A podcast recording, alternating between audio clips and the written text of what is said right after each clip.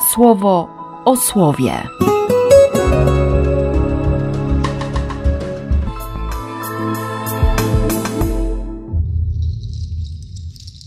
Czternasty lipca, czwartek. Przepiękna pieśń z tego 26 rozdziału Misajasza. Nasze nadzieje oparliśmy na Twoim imieniu i na Twojej pamięci, za którą tęskni nasza dusza. Nie opieram się na tym, co, co wydaje się pewne mnie samemu, mojemu sercu, ale, ale na imieniu Boga, nie? na tym imieniu, które, które Bóg dał Mojżeszowi. Jestem. Jestem dla Ciebie, jestem teraz, jestem z Tobą. Na Twojej pamięci, za którą tęskni moja dusza. Opieram się na Jego pamięci, bo ja zapomnę o wiele szybciej. Zresztą zapominam, o wiele szybciej zapominam. I potem ten szesnasty werset. Staliśmy się brzemienni. Przyjęliśmy bóle porodu i rodzimy. Ducha Twojego zbawienia wprowadzamy na ziemię, ale upaść mogą mieszkańcy tej ziemi.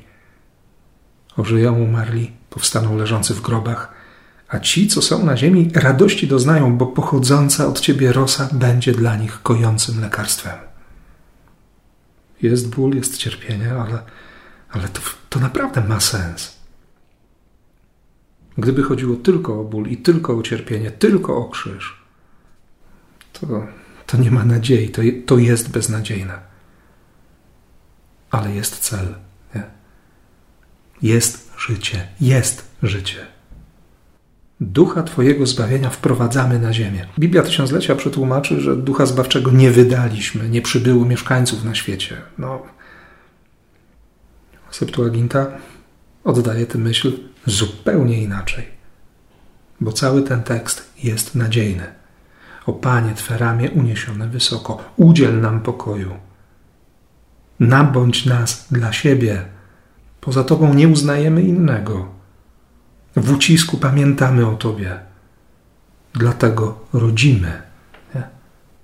Doświadczamy miłosierdzia, doświadczamy Twojego zrodzenia i, i chcemy się tym podzielić. To, to jest tak mocne, to jest tak konkretne, to jest tak realne. Jestem, który jestem dla Ciebie tutaj i teraz. Chcę dzisiaj odpowiedzieć dokładnie tym samym. Tym pragnieniem. Jego pamięć, nie moja.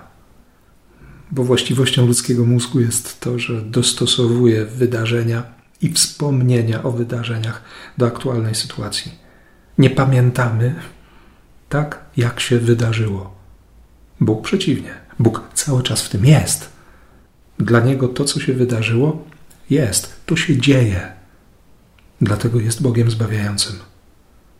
W każdej ewentualności we wszystkim. Dlatego umarli ożyją, dlatego leżący w grobach powstaną. Chcę tego, chcę objawienia życia. Chcę, żeby życie Boga objawiło się. Żeby jeszcze raz przyjąć miłosierdzie i, żyć, naprawdę żyć. I tym mocniej słyszę dzisiaj słowo Jezusa. Dlatego wszyscy, którzy jesteście utrudzeni lub czujecie się przeciążeni, przychodźcie do mnie, a ja dam wam odpocznienie.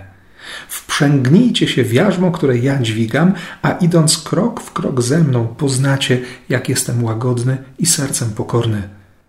Dopiero wtedy znajdziecie prawdziwe wytchnienie dla waszych dusz.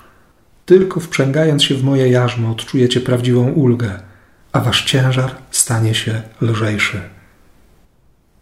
Jasne, że, że chodzi o to, nie? Żeby, żebym ze swoim grzechem, z tą, z tą trudnością, z tym przeciążeniem przyszedł do Jezusa. Ale chodzi też o, o to wewnętrzne nastawienie, nie? o moje zaufanie. Tutaj ciągle chodzi o wiarę. Jeśli idę obok Niego, to, to nie będę czuł się zagrożony, ograniczony, obciążony, tak, że, że już się nie da więcej dźwignąć. A Jezus to robi.